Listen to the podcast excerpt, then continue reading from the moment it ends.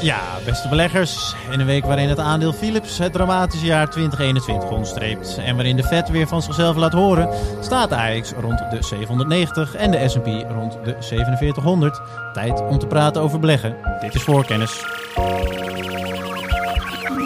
There are three ways to make a living in this business.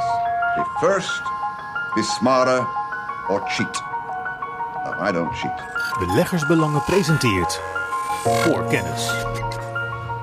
Ja, beste beleggers, leuk dat jullie weer luisteren naar een nieuwe aflevering van Voorkennis. Mijn naam is Maarten Butterman en samen met Stefan Hendricks en Karel Merks gaan we deze week eh, in op de vragen vanuit het publiek.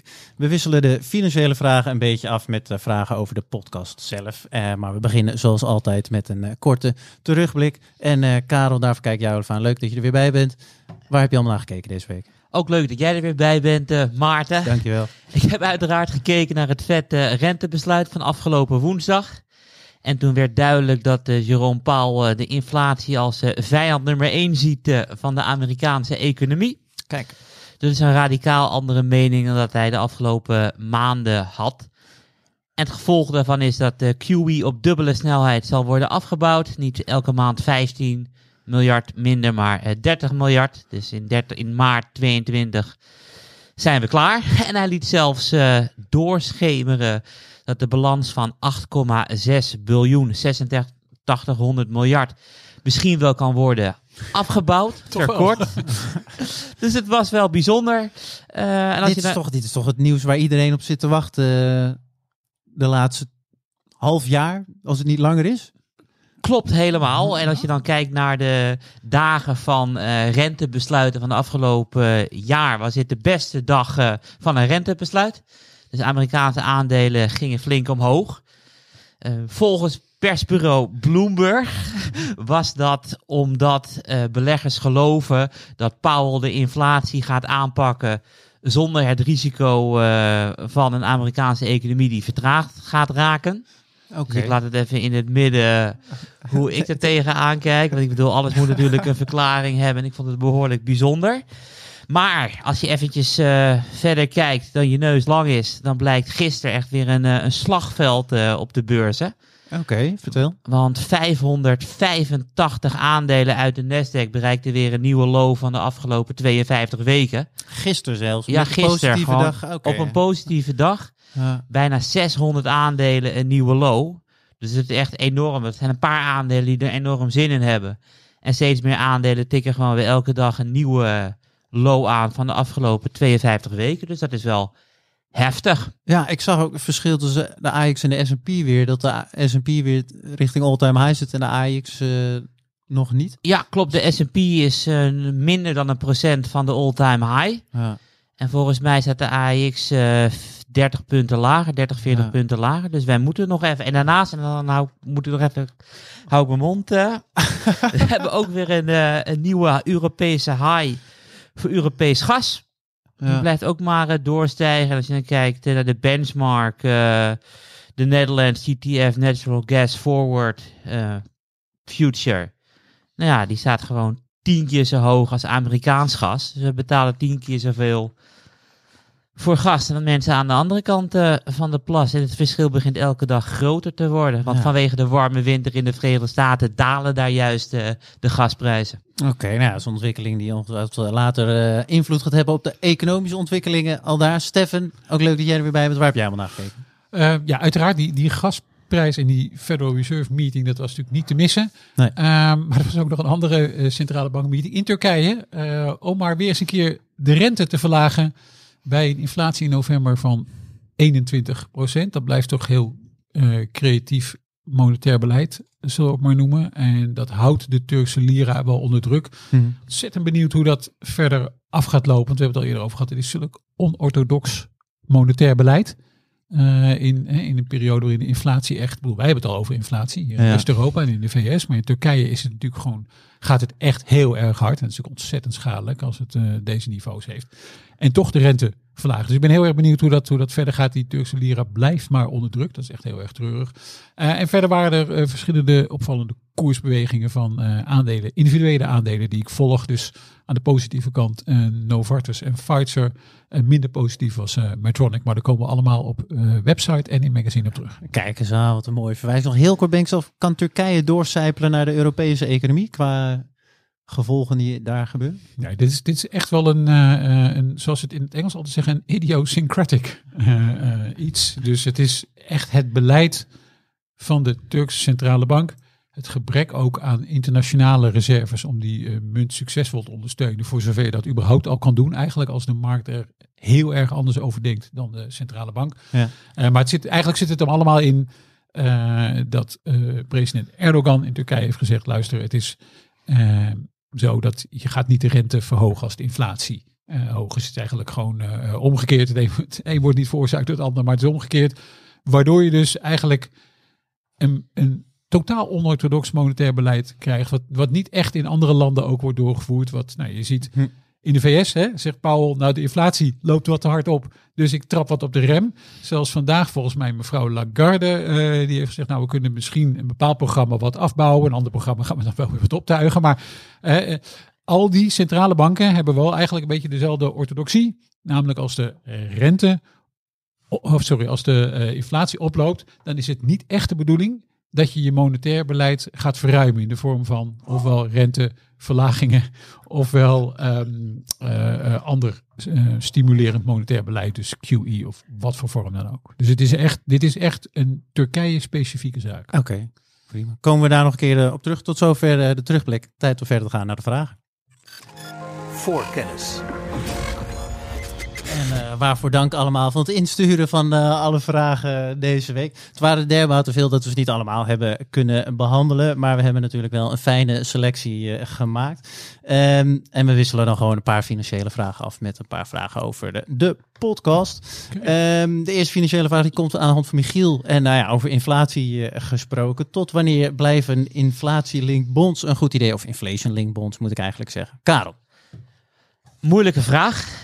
Ik heb hem al een paar keer uh, eerder behandeld de afgelopen uh, paar maanden in de podcast. Dus de trouwe luisteraar weet dat ik altijd naar de UK-linker kijk. Afloopdatum 2068. En dan krijg je dus de inflatie plus 1 achtste procent, 0,125.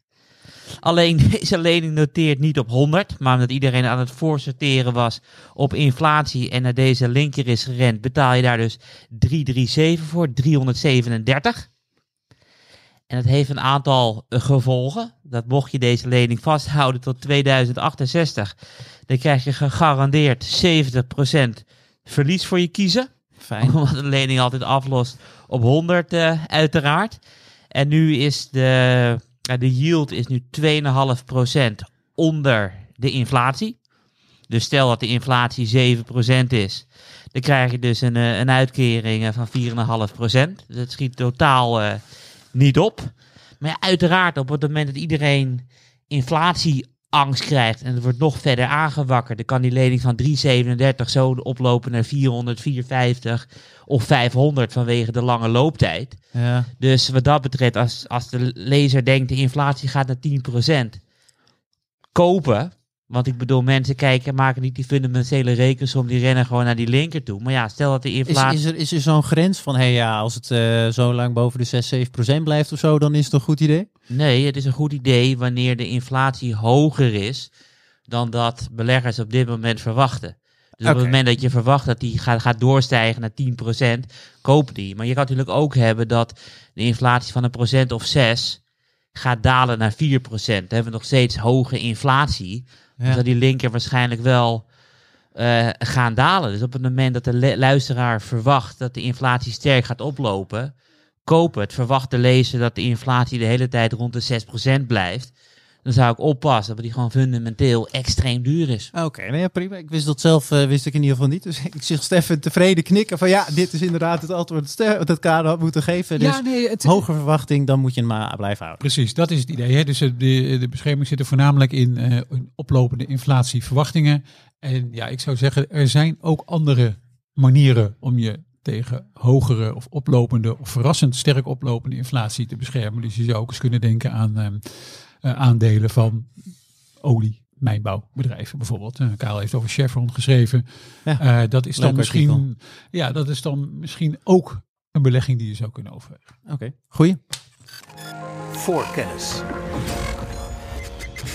Dat was je stopwoordje weer. Ja, inderdaad. Ja. Daar is geen vraag over binnengekomen. Ja, ik heb toch een paar afleveringen gemist. En dan Ja. komen de oude gewoontes weer ik schrok eh, er wel een beetje van. Ja, ik ook. Ja. Fijn dat we het gewoon live kunnen bespreken in de uitzending, eh, uiteraard. We blijven heel even bij eh, Karel wat betreft de volgende vraag.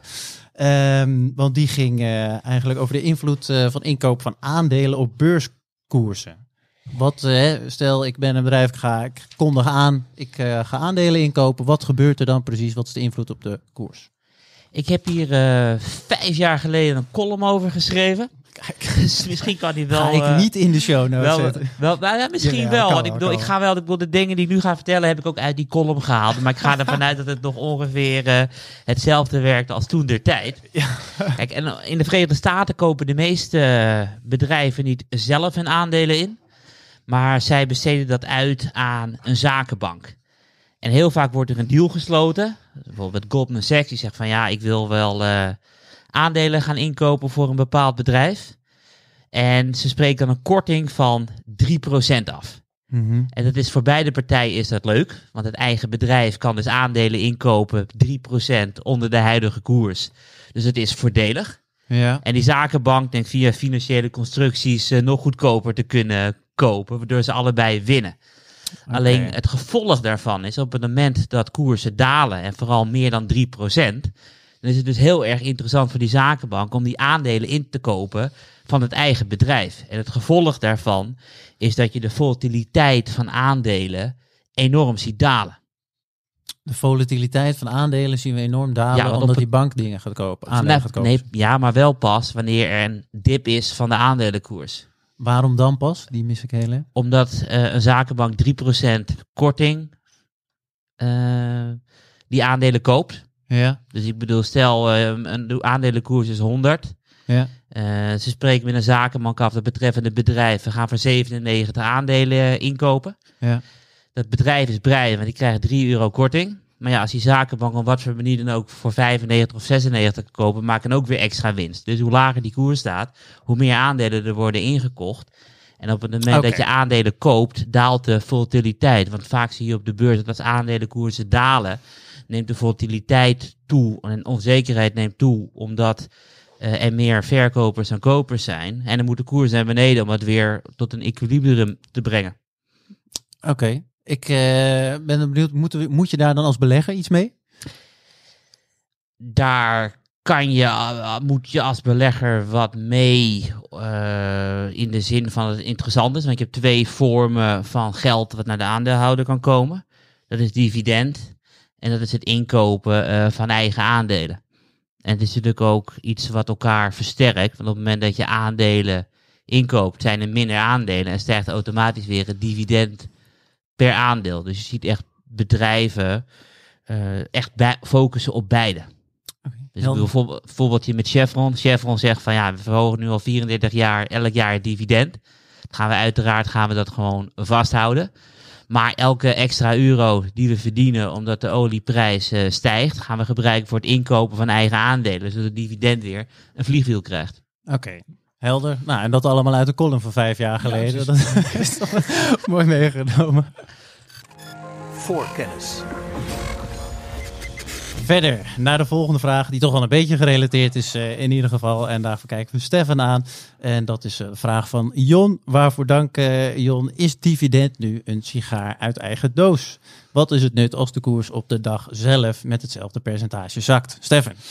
Ja, dat is een hele interessante vraag. Ook Ehm, trouwens over die inkoop van eigen aandelen moeten we eigenlijk nog eens een keertje apart op terugkomen. Er zitten nog zoveel dingen aan die je eigenlijk eh, als belegger zou moeten weten. Maar dat gaan we niet nu doen. Dat enorm uit. Terug naar het eh, dividend dus. Ja, is het niet een sigaar uit eigen doos? Nou, ehm, als een bedrijf goed draait, dan komt er cash binnen. En dan is de vraag, wat ga je daar als bedrijf mee doen? Het alternatief van niet uitkeren is bijvoorbeeld op de balans laten staan. Maar dat wordt ook niet door iedere belegger geapprecieerd. bedrijven met heel veel cash op de balans, wordt er gezegd, nou moet je daar, moet je daar als bedrijf niet eens wat mee doen. Het heeft ook nog wat nadelige eh, effecten, bijvoorbeeld voor ehm, eh, rendementsratio's. Dus je rendement op het eigen vermogen gaat omlaag op het moment dat je heel veel ingehouden winst hebt en daar niks mee doet. Dat ziet er als bedrijf dan weer niet zo heel erg goed uit. Maar er zijn nog een paar andere dingen. Dus eh, als je als bedrijf geld verdient, en ik zeg, dan kan je met dat geld wat doen. Dus je kunt het gewoon op de bank zetten als bedrijf, maar er zijn ook nog andere dingen die je mee kan doen. Dus je kunt zeggen, nou ja, we gaan bijvoorbeeld andere bedrijven overnemen. Mhm. Je kan ook zeggen, we gaan investeren Mhm. in groei. En dan is er natuurlijk de mogelijkheid om het uit te keren aan de aandeelhouders. Nou is het zo dat heel veel bedrijven gewoon dusdanig veel cash genereren, dat ze dat niet allemaal nodig hebben om hun groeiplannen te realiseren. Dus als ik even een voorbeeld mag eh, nemen uit eigen praktijk. Zeker. Ehm, eh, vaker in de podcast behandeld. Het eh, bedrijf Linde, producent van industriële gassen, verdient ongelooflijk veel geld. Dus die over de eerste negen maanden hadden ze een operationele cashflow van 6,5 miljard dollar. Maar ze hadden maar 2,3 miljard nodig voor hun investeringen. Onderhoudsinvesteringen en investeringen in groei. Ja, dan Ja. heb je dus geld over. Dat is de vraag, wat gaan we met dat geld doen? Nou, ze hebben gekozen voor zowel dividend als inkoop van eigen, aandeel, eh, eh, van eigen aandelen. En als een bedrijf heel erg goed, in het Engels noemen ze dat een capital allocation policy. Dus als ze een heel goed beleid hebben hoe ze omgaan met het geld wat ze binnenkrijgen, dat daar gewoon een goede structuur in zit. Ja. Zoveel naar investeringen, zoveel naar overnames, zoveel naar de aandeelhouders. Dan zie je dat ook wel vaak op de beurs worden beloond. Oké, maar is het, het is dus gewoon zo dat zij vinden gewoon niet een goede, eh, goed genoeg investering die gewoon aan hun criteria voldoet om het geld aan uit te geven. Ja, dat is het. nou, zijn we- gewoon zo, zitten er gewoon zo strak bovenop van jongens, dan- kunnen we beter dividend uitkeren. Ja, bijvoorbeeld als je die eh, weer neemt, die hadden een, een, eh, een record voor een rendement op het geïnvesteerd vermogen. Dus je zou denken, waarom investeren ze zich niet helemaal blauw? Want als je er ongeveer 16% rendement op haalt, zal het wel goed gaan met het bedrijf. En dat klopt ook, alleen zijn er ook maar een beperkt aantal eh, investeringsprojecten. Je Ja, markt ja, is ook niet oneindig natuurlijk. Eh, en eh Lindes moet natuurlijk ook, en alle bedrijven, zorgen dat je investeringen ook gewoon goede rendement opleveren door de jaren heen. Dus als jij nou, we hebben bij mijnbouwsectoren bijvoorbeeld wel eens gezien. In het verleden is het wel zo geweest als het geld daar als water binnenkwam en tegen de plinten klotste. Ja. Er werden allerlei projecten opgetuigd, allerlei andere bedrijven overgenomen tegen krankzinnige premies. Waar dan later weer de rekening voor betaald moest worden. Dus Ja. iedereen die erin geïnteresseerd is, zou ik zeggen, duik eens in de geschiedenis van Rio Tinto. Ooit een beetje een kleine foute Canadese aluminium overname. Nou, daar hebben beleggers nog jarenlang van kunnen genieten, tussen aanhalingstekens omdat Rio Tinto zichzelf met een veel te hoge schuldpositie had opgebouwd. Zo hoog dat ze nu eigenlijk een beetje het omgekeerde hebben. Nu heel erg bang zijn om al dit soort projecten. dus, hè, eh, dus, Alles met mate. dus sigaar uit eigen doos. hè, Het, eh, ja, natuurlijk, het gaat ook van de koers af. Want uiteindelijk gaat het ook van je boekwaarde af. Hè, want je eigen vermogen wordt op dat moment minder als je het uitkeert. Maar het vasthouden in een bedrijf is dus ook niet altijd ideaal. Het uitgeven aan veel te dure overnames eh, is dat ook niet. Het soms uitgeven aan veel te ongunstige investeringsprojecten is het ook niet. Dus dan is het misschien wel fijn om het gewoon aan de aandeelhouder te geven. Kijk eens aan, een mooi besluit. Voorkennis. En dan eh, eindelijk een keer een, eh, een opmerking over de podcast. Zelf moest het toch ook wel een keertje komen. En deze komt eigenlijk uit het begin der dagen, moet ik nog zeggen. Maar is soms zo nu en dan door corona nog wel actueel. Iemand die heel fijn eh, doorgaf. Het zou wel fijn zijn als iedereen in de studio zou zitten. Vind ik ook. Maar ik vind het ook wel fijn om COVID te ontwijken. Dat, dat is het zeker. We zeiden op het begin, ja, was het toch lastig voor ons om allemaal constant in de studio eh, aanwezig eh, te zijn. Nu is daar al wat meer uh, bewegen We mochten niet eens volgens voor. het bedrijf. Hè. We mochten maar met z'n tweeën zijn, toch? In het begin wel, ja. Ik weet niet, moeten we dat al openbaar... eh, Oh, we het net gedaan. Nee, maar dat, dat is in ieder geval de reden. We zeiden ook zeker voornemens wanneer het kan dat we allemaal in de podcast zitten. Want het is gewoon en voor ons heel leuker om eh, op te nemen. En ook voor de luisteraar is het eh, leuker qua geluidskwaliteit. In lijn daarmee, er komt eigenlijk een eerste vraag ook over de podcast. Ehm, en die kwam van meerdere mensen. En dat betreft eigenlijk de invulling van de redactieleden die deelnemen aan de podcast. Waarom wisselen jullie niet wat vaker af met de anderen? En ehm, ja, zoals de vaste luisteraar eh, weet, ik eh, zit hier veelal met Stefan en Karel. En dat was het dreamteam eh, op het begin. En dat is het ook al nog steeds. Maar ook andere redacteuren, die gaan zeker in de, de toekomst vaker aanschuiven. En eigenlijk vanaf volgend jaar zit daar een, een, iets wat meer ritme in. In die zin dat Stefan en Karel, eh, als ik het goed zeg, even uit mijn hoofd, drie keer gaan deelnemen per maand. En dat eh, de andere invulling eh, door andere redacteur wordt gedaan. Dus, en dat zullen in dit geval Menno, Hildo, Michiel en Jeff zijn. En we hopen daarmee de luisteraar ook weer te voorzien van een nieuwe en verse input. Voorkennis. Gaan we weer terug naar de financiële markten. In dit geval met een vraag die is binnengekomen van TH. Ik vermoed dat het Theo is, geen idee eigenlijk. Maar eh, Theo maakt goed gebruik eh, van onze vragen special zin. Hoe denken jullie over goud en energie en koper ETF's in 2020? Dus slim Theo, de meeste mensen hebben één vraag gesteld. Theo ging er meteen voor drie. Karel, kijk jou even aan. Doe me, altijd, eh, doe me altijd wel denken, maar moet ik even tussendoor. Wij luisteren natuurlijk ontzettend veel van die analistencalls af, hè, waar bedrijven hun cijfers voorstellen. En dan Ja. eh, ja, is het de bedoeling, dat meestal staat er een uurtje voor. En dan, eh, nou, dan is er iemand van manager van de Investor Relations die zegt, nou, uw analisten, de, de lijn is open voor vragen. En dan krijg je dit ook vaak. Een analist die zegt, ja, ja, ja, ik heb een vraag, daar bestaat eigenlijk uit drie delen. Een kolossale vraag. Nou, kijk eens aan. Theo, je zit in het juiste vak. Daar heb ik zei, Karel, gaat. We beginnen met eh, energie. Oh, energie mag ook, zeker. Dit is, eh, ja, ik, dit is data van afgelopen eh, dinsdag.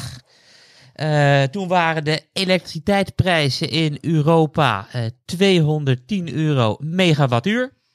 En dit kan je dan onderverdelen tussen eh, een gasprijs van 182 euro en een CO2-heffing van 28 euro.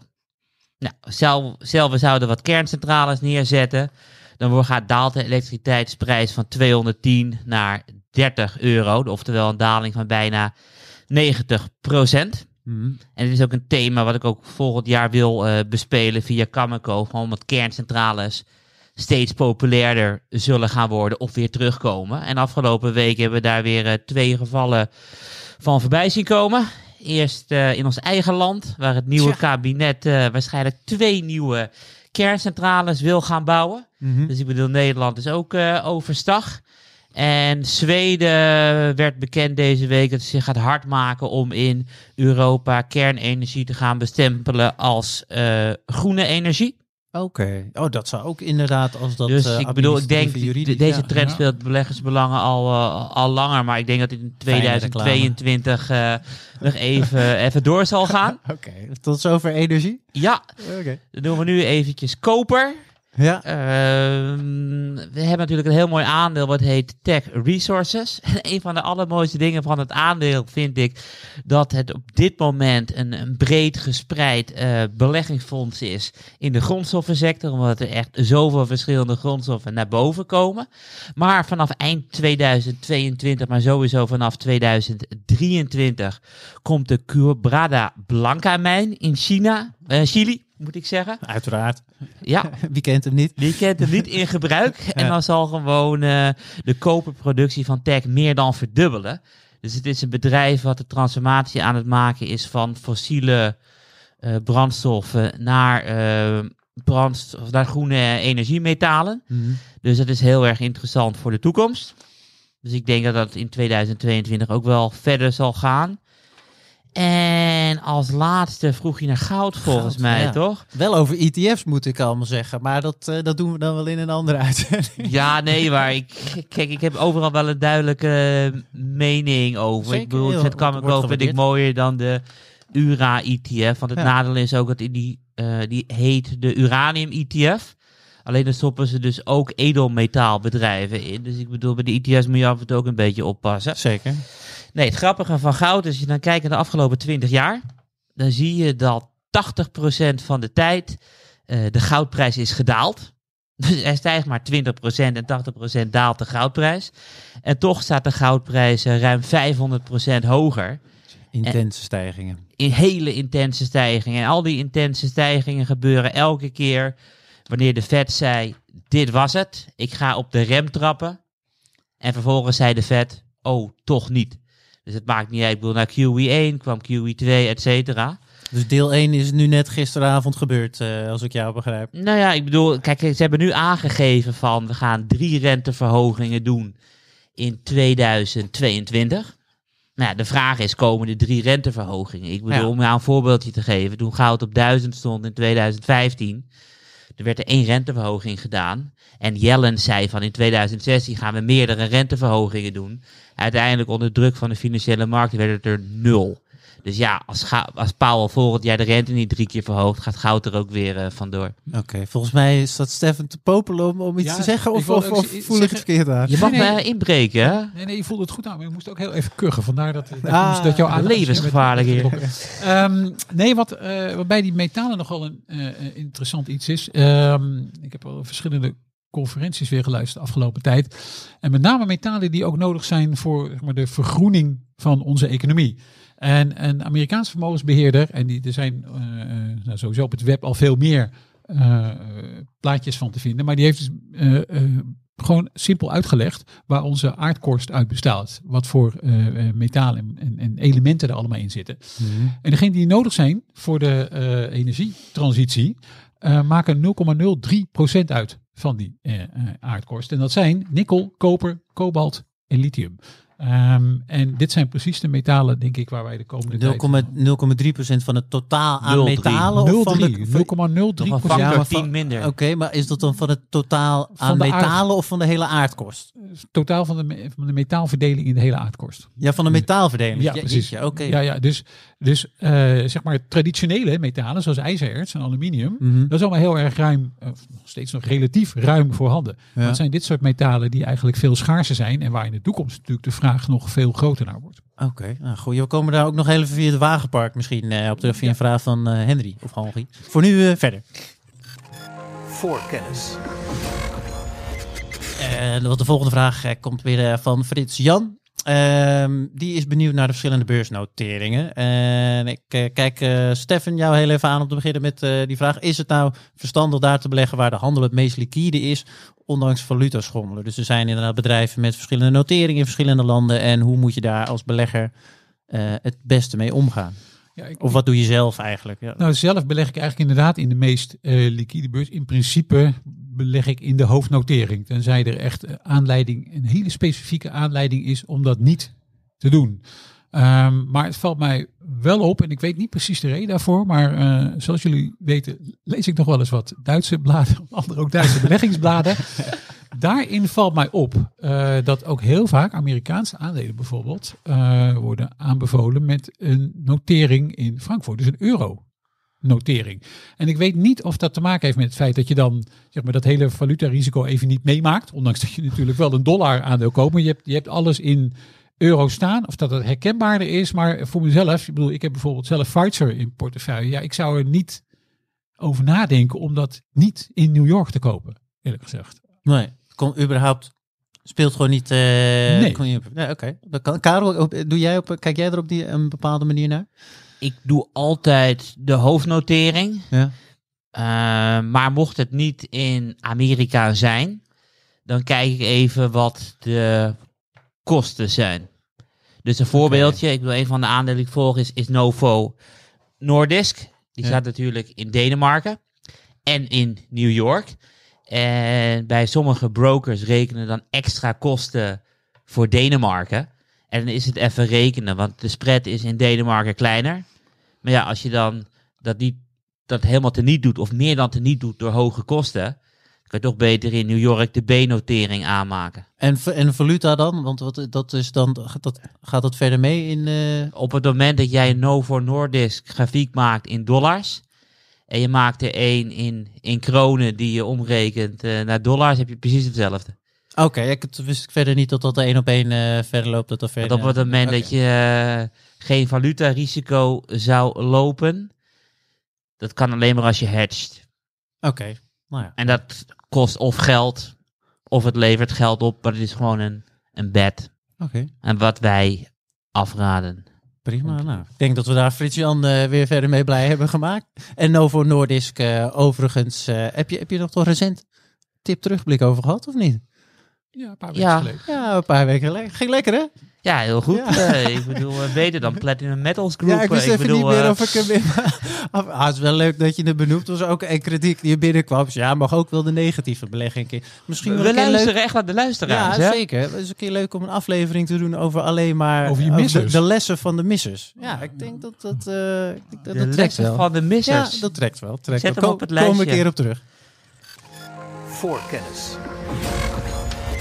Ja, we zijn er al eigenlijk een beetje op ingegaan. Uh, Steffen net, uh, misschien, misschien wil je toch nog even langer op ingaan. Maar dat is wat ik zei, is de vraag van uh, Henri die op de lijst staat. Ehm, in Amerika is slechts 3% van het wagenpark momenteel een elektrisch voertuig. En uh, oh, ik ga, nou, we gaan, ik zie wijzen naar elkaar, die heren die lachen wie deze vraag op moet beantwoorden. Ik, ik, had het vorige, ik ga het anders simpel houden. Om op deze trend in te spelen zijn er grondstoffen nodig. Nou, dat is Steffen net al benoemd, wat inderdaad een uh, klein deel is. Dus het is inderdaad, kan qua schaarste in ieder geval een interessante belegging zijn. Um, hij noemt ook lithium, nikkel, koper. Hoe kijken jullie naar deze trend? Nou, dat is juist ook al een beetje aan de orde geweest. Maar is er dan misschien een ETF of miner uh, nou ja, jij noemde al Tech Resources natuurlijk. Is er een van jullie die misschien nog een ETF hebt die hier uh, goed op inspeelt? Nou, niet zozeer in een in, in, ETF eerlijk gezegd. Ik denk wel dat er bepaalde uh, individuele aandelen zijn die... en, en, als je bijvoorbeeld in de mijnbouwhoek kijkt, hebben we eens de grote mijnbouwers besproken hier. Mm -hmm. Dan zijn Rio Tinto, die voornamelijk afhankelijk is van ijzererts, is dan weer een minder goed idee. Uh, als je dan toch iets zou willen in die grote mijnbouwers, dan is Anglo-American, die wat bredere spreiding heeft ook naar dit soort andere metalen. Misschien zelfs Glencore, hoewel dat voor sommige beleggers wel een, uh, een, een, lastig aandeel is, omdat ze natuurlijk ook nog in steenkool uh, zitten. Maar ja. dat zijn dan misschien betere opties, denk ik, dan een BHP of een Rio Tinto. Oké. Okay. En je hebt natuurlijk ook nog Albemarle voor het lithium.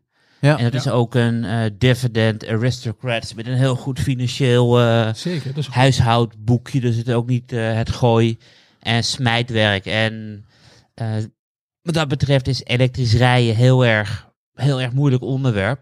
Ja. Wat jij zegt, of wat onze luisteraar zegt, 3% rijdt maar elektrisch. Nou ja, als je dan mm, kijkt wat in Amerika, de, ja. uh, wat, de, wat de market cap is van, van Tesla, ja, zit je al op een uh, biljoen, omdat het wordt natuurlijk ook niet gewaardeerd als een autobedrijf, maar ook als een Uber-taxibedrijf. Want straks rijden, rijden er uh, Tesla's rond zonder bestuurder, zelfrijdende auto's. Uh, kan niet et, wachten. Et, et, et, cetera. Dus misschien wordt het wel veel breder gewaardeerd. Alleen waar ik dan een beetje angstig van wordt, is dat natuurlijk uh, de man van het jaar volgens Time, meneer Musk is. En de Financial Times overigens ook. Die, die heeft hem ook uitgeroepen tot man van het jaar.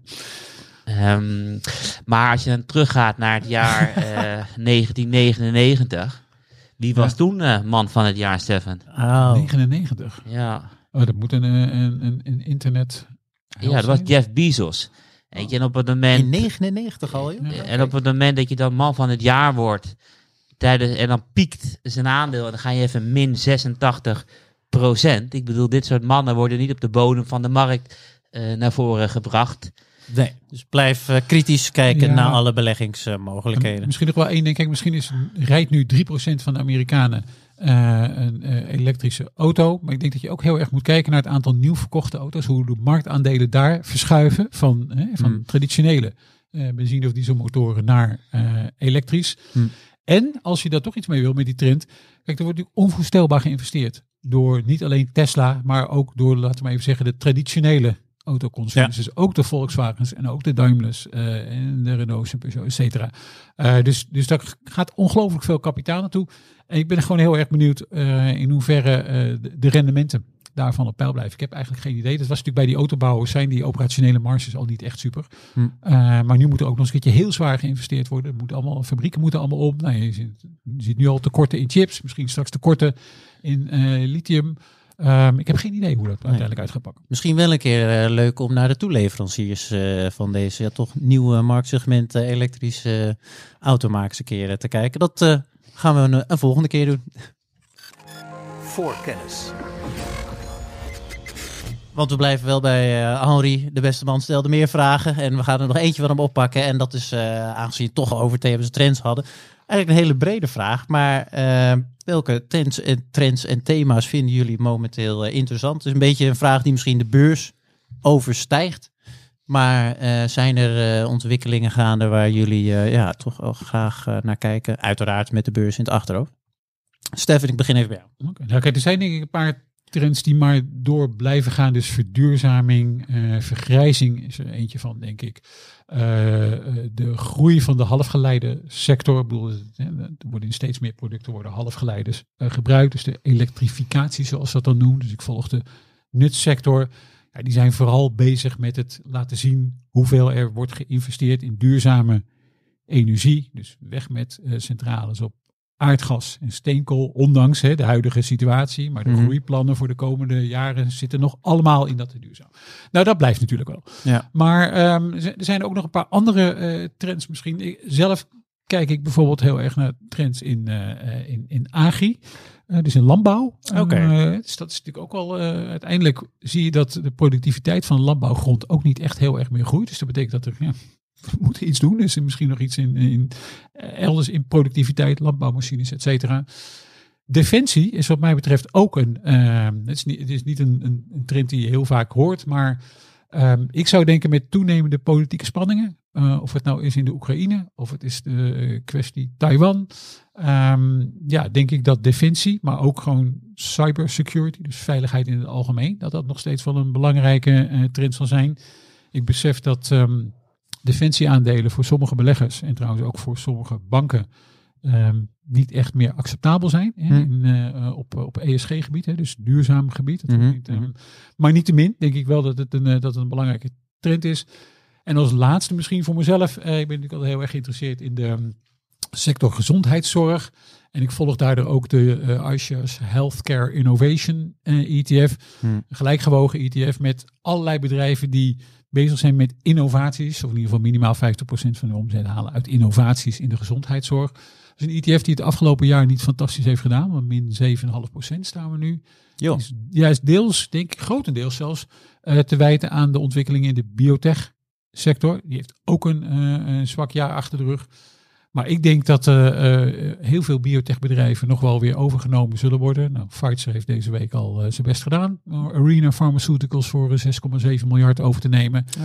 Heel veel farmaceuten hebben heel veel geld. En nog wel wat gaten in de pijplijn van nieuwe medicijnen te vullen. Dus ik vermoed dat dit ook nog wel gaat komen. Dus op lange termijn is dit wel een, een ETF die ik ook zeker volg. Oké. Karel, jij nog een bepaald thema of trend die je eraan wil toevoegen? Ja, Stefan heeft al een hoor, paar maar- gezegd, maar ik Daarom, bedoel, ja, het was een cloud- heel mooi antwoord. ik bedoel, cloud vind ik nog steeds interessant. Ja, ja, Weet ja. je, die Wisdom eh, Cloud ETF, de kunstmatige intelligentie ETF en de, en de beveiligings ETF. Dus die drie eh, trends waar, waar ik over anderhalf jaar geleden schreef, gewoon de trends voor de komende tien jaar. Ja. En het blijft nog jaren en jaren doorgaan. Oké. Ja, Helder. Ja, Ko, er gaat nog een pen omhoog. Er gaat ik nog ik wilde al omhoog. bijna op de knop drukken om verder te gaan. Ik zag ja. jouw vinger naar die knop gaan. Dus ik denk, ik moet wel op tijd zijn. Nee, ik denk dat we... eh, ehm, dus we hebben een aantal trends benoemd. En dan zeg je, nou, daar kun je een aantal beleggingsproducten bij noemen. Meestal gaat het in de vorm van een ETF. Mhm. Maar ik denk, als je dat wil als belegger, dat je wel echt... Karel noemde dat net ook al even kort. Dat je wel heel erg goed even moet kijken wat er dan precies ook in die Ja. ETF zit. Niet eh, zomaar blind in. Dus ik zat zelf bijvoorbeeld te kijken naar de ehm, eh, Automation and Robotics ETF van eh iShares. Nou, dat is een best een interessante ETF. Maar Zit ook toch in de ETF-portefeuille zit in de? ETF-portefeuille, maar ik, ik had daar nooit zo serieus naar gekeken. Maar er zitten dus een heleboel eh halfgeleiderbedrijven in. Dus de grootste holding is AMD, maar je belegt ook in Nvidia. Ehm, maar je belegt ook in Apple. En in Oké. Qualcomm bijvoorbeeld. Die, die zitten daar ook in.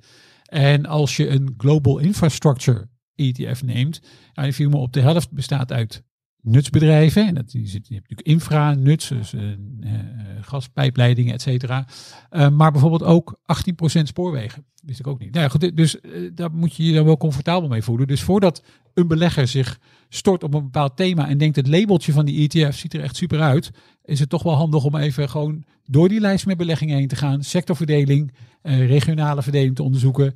Eh, hoe is de weging? En wat is, eh, wat is de top 10? Hoe, hoe zwaar weegt die mee? En hoe ver kan die die ETF beïnvloeden? Oké. En Nou, die mooi iShares website is echt fantastisch. Het staat er allemaal Ik op. bedoel, er Dus zit ook wel per ETF staat er hoeveel koolstofdioxide er wordt uitgestuurd, hoeveel er in clusterbommen wordt belegd, et cetera. Alles kan je daar gewoon vinden op een hele duidelijke manier. Oké, nou ja, Elke aanbieder zou het eh, zo moeten doen. Nou ja, en nog een mooie site is natuurlijk beleggersbelangen.nl. Mocht je nou luisteren en soort van vriend van de show willen worden, dan kan je uiteraard naar beleggersbelangen.nl slash abonneren en daar een mooi abonnement eh, afsluiten. Voorkennis. En dan de vraag van eh, Herman, dat eh, gaat eigenlijk over KPN. Nou, Herman had eh, niet alleen vragen over KPN, had wel tien vragen over specifieke aandelen. Maar we kunnen er bij eentje uitpakken. En we moeten nog omwille van de tijd een beetje kort doen ook. KPN, ja, hoe kijken jullie naar aan, Steffen? Ja, wat KPN, moet je ermee? Ja, wat moet je ermee? Euro Europese telecom is sowieso niet echt de meest makkelijke sector, de meest populaire sector of de meest sprankelende sector voor heel veel beleggers, denk ik. Um, ja, dat heeft eigenlijk te maken met, met de termijn waarop je zou moeten uh, beleggen. Dus um, we hebben het net gehad over, bijvoorbeeld over infrastructuur, maar dan is telecom-infrastructuur ook van belang. En, en waarom zijn die bedrijven nou, uh, wat mij betreft, aantrekkelijk en specifiek KPN aantrekkelijk? Uh, die investeren nu al geruime tijd in glasvezelnetwerken. Ja. En die investeringen, ja, dat is, die zijn fors. Dus KPN investeert ongeveer 20% van de omzet. Dus ieder jaar gaat er 1,1, 1,2 miljard. Op een gegeven moment houden die investeringen op. Dus het duurt zeg maar zeker tot eind 2025, begin 2026 dat die investeringen van KPN op een vrij hoog niveau zullen liggen. Maar dan uh, heb je een glasvezelnetwerk en dan heb je wel verschillende voordelen aan. Want om te beginnen uh, kun je er eigenlijk hogere prijzen voor rekenen dan uh, gewoon internet over een koper, een veredeld kopernetwerk. je ziet ook dat als de kwaliteit ervan goed is, dat er klanten minder snel weglopen. En het is onderhoudsvriendelijker dan het huidige kopernetwerk. Dus het is ook nog eens een keertje goedkoop om dat te doen.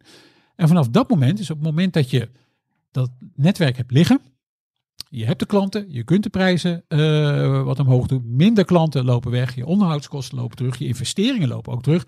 Dan betekent het, uh, als het allemaal goed is in dit scenario, dat is een beetje mijn scenario, dat op die termijn ook gewoon die bedrijven ontzettend veel geld gaan verdienen. Nou hebben we het al eerder in de podcast gehad in verband met die telecomsector over ja. het feit dat Um, bepaalde institutionele beleggers, zoals APG, die samen met KPN investeert in dat glasvezelnetwerk, die zien dat plaatje over die meerdere jaren.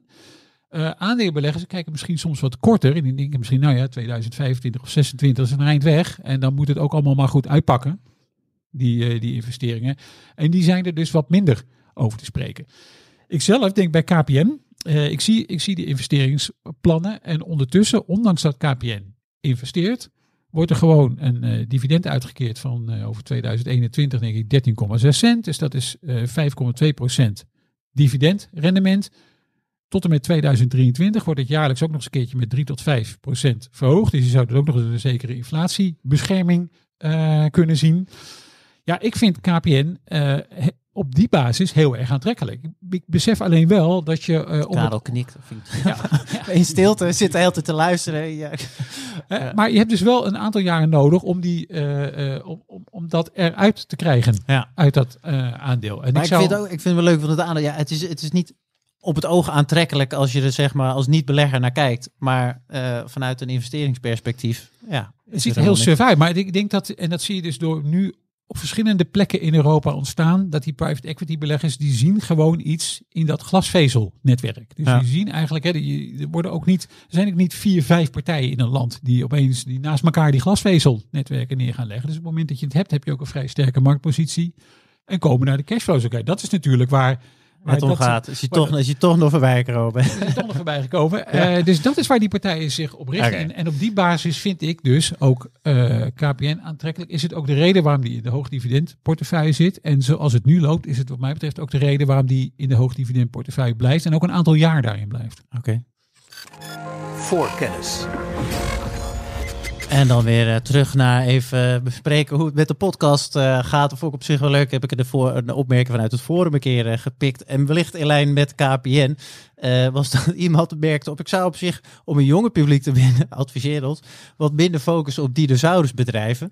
En waarom ik deze nou had meegenomen en achter KPN gezet, nou was eigenlijk precies om die reden. Ik denk dat deze persoon ook in ieder geval, en ik zal misschien nog een keer aan hem vragen, maar KPN als een, een dinosaurusbedrijf zit en misschien ook met vele andere beleggingen die hier worden behandeld.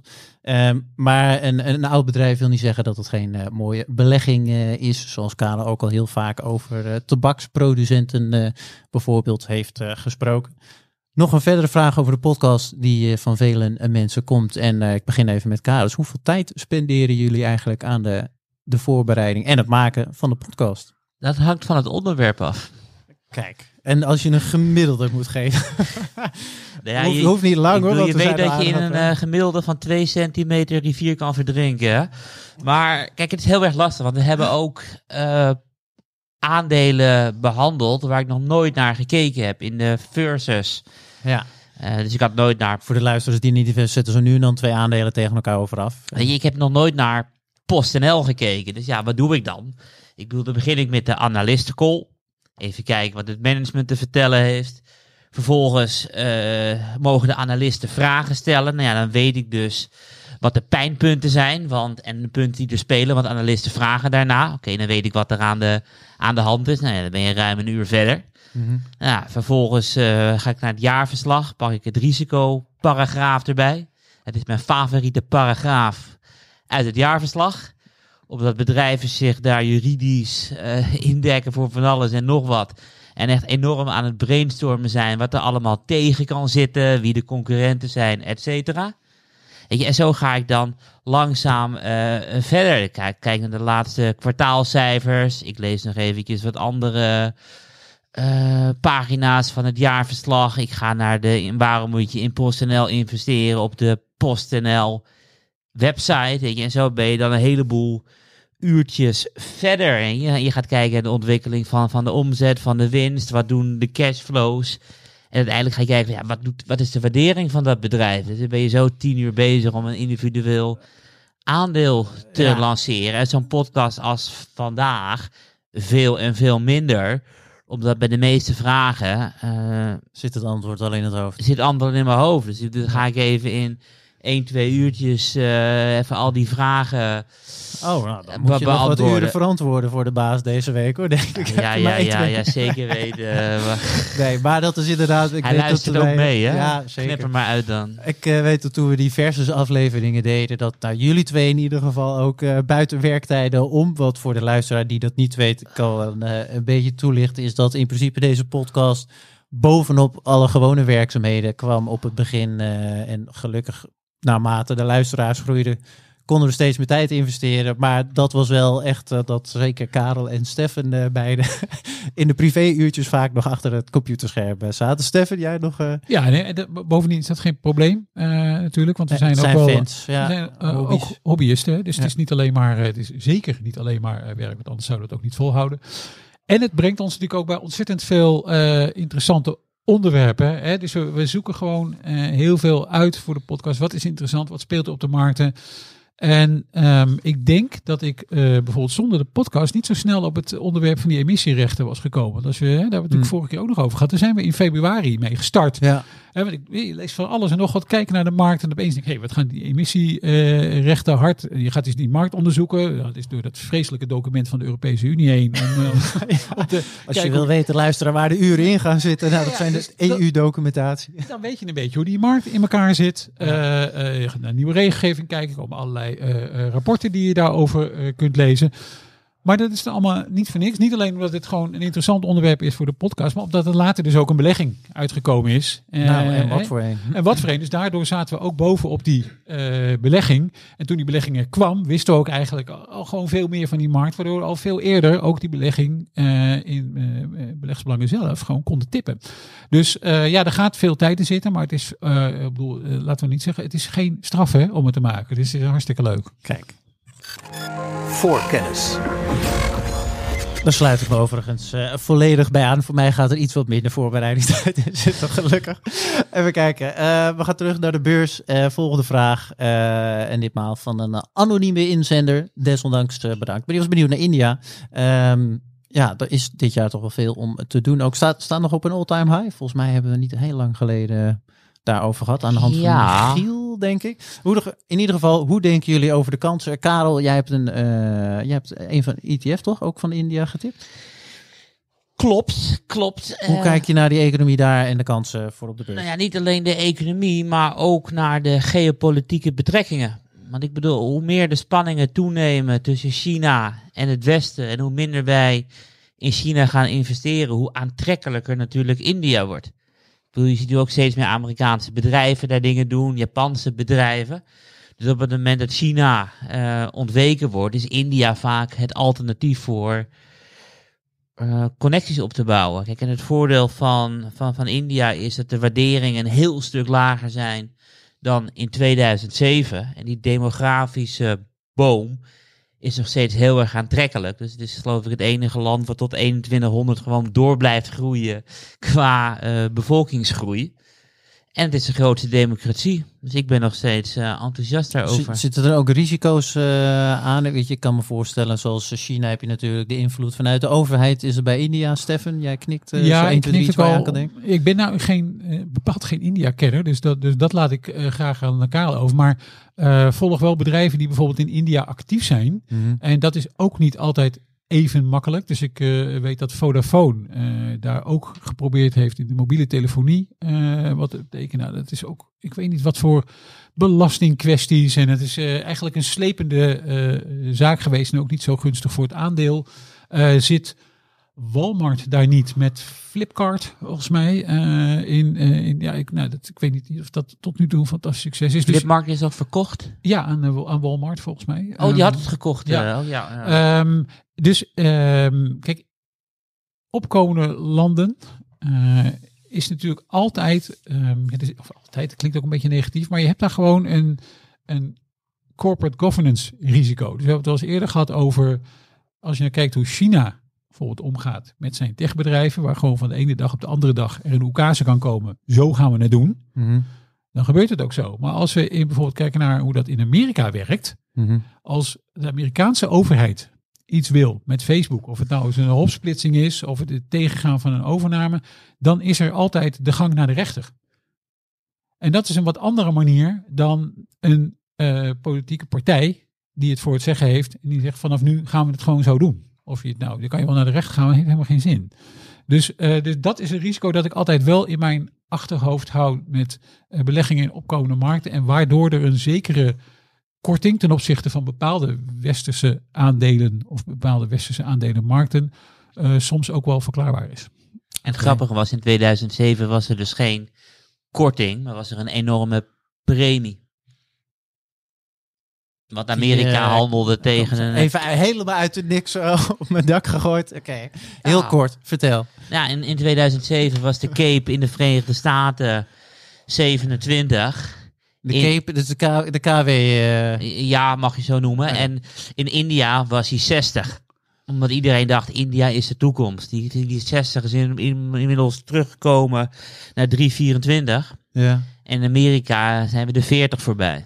Oké. Dus ik bedoel, de speelveld is al compleet anders dan in 2007. Ja, en één belangrijke laatste toevoeging, Maarten. Hij wil zo graag op die knop want ik zag, drukken. weer, ik zag weer jouw vinger naar die knop gaan. Maar ik wil toch nog één. Ik denk dat het wel belangrijk is voor beleggers om te weten dat hoge economische groei niet gelijk staat aan hoge rendementen op de aandelenbeurs van dat land. Ik denk Nee, dat dat En daarom heb ik ook geen één keer groei genoemd, maar wel elke keer waardering. Kijk eens aan. Belangrijke toevoeging. Voorkennis. Heel kort, het laatste onderwerp eh, gaan we alweer uh, aanraken aan de laatste vraag. En dat doe ik eigenlijk aan de hand van Karel. En misschien ook even een, een verdere uitlopertje. Wat is de Noorse kroon? ETF en eh, überhaupt ja, munt en valuta is natuurlijk een lastig eh, verhaal. Maar jij hebt die ooit eh, getipt. Klopt. Karel de Noorse kroon. En even kijken of ik nog een eh, naam van iemand erbij heb. Nee, die was eh, ook anoniem eh, ingedeeld. Maar die was benieuwd. eh het was een leuke tip, maar hoe kijk je er nu naar? Nog steeds positief. Hij is wel opgelopen, die kroon. Alleen niet met de reden waarom ik dacht dat hij zou oplopen. Eh, de, hij, Wat eerlijk. hij is opgelopen eh, omdat eh, Noorwegen profiteert van een stijgende olieprijs. Ja. En ze willen hun eigen economie zo groen mogelijk maken. Maar ondertussen gaan ze wel nieuwe boorprojecten beginnen op de grens van de Noordpool. Dus het is wel eh, eigen economie groen en de rest exporteren ze. Hmm. Dus ze exporteren de olie, stijgende olieprijs is goed voor Noorwegen. Maar het oorspronkelijke plan was, Noorwegen is heel erg klein, wonen maar 5 miljoen mensen. Mhm. En ze hebben een van de grootste potten geld ter wereld met een staatsfonds. Mhm. Dat is allemaal in het eh, buitenland belegd.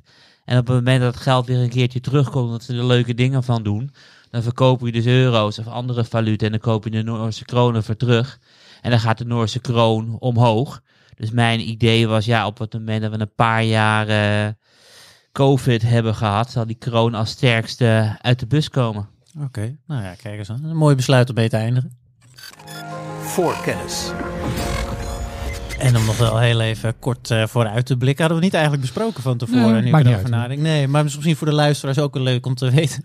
Hoe komen jullie eigenlijk bij jullie invulling van het format? Nou, dat gaat ongeveer na elke aflevering. Bedenken we iets nieuws en een week later proberen we het. Zo nu en dan wat chaotisch, maar wel altijd leuk eh, en informatief. Ehm, vooruitblikken, Stefan, zijn er nog specifieke dingen, specifieke dingen waar je zo uit je hoofd eh, naar kijkt de komende Ja, week? morgen, dat is de, de dag na opname van deze podcast. Ik weet niet wanneer mensen luisteren, maar we hebben het in ieder geval over vrijdag 17, Vrijdag, de- vrijdag 17 december.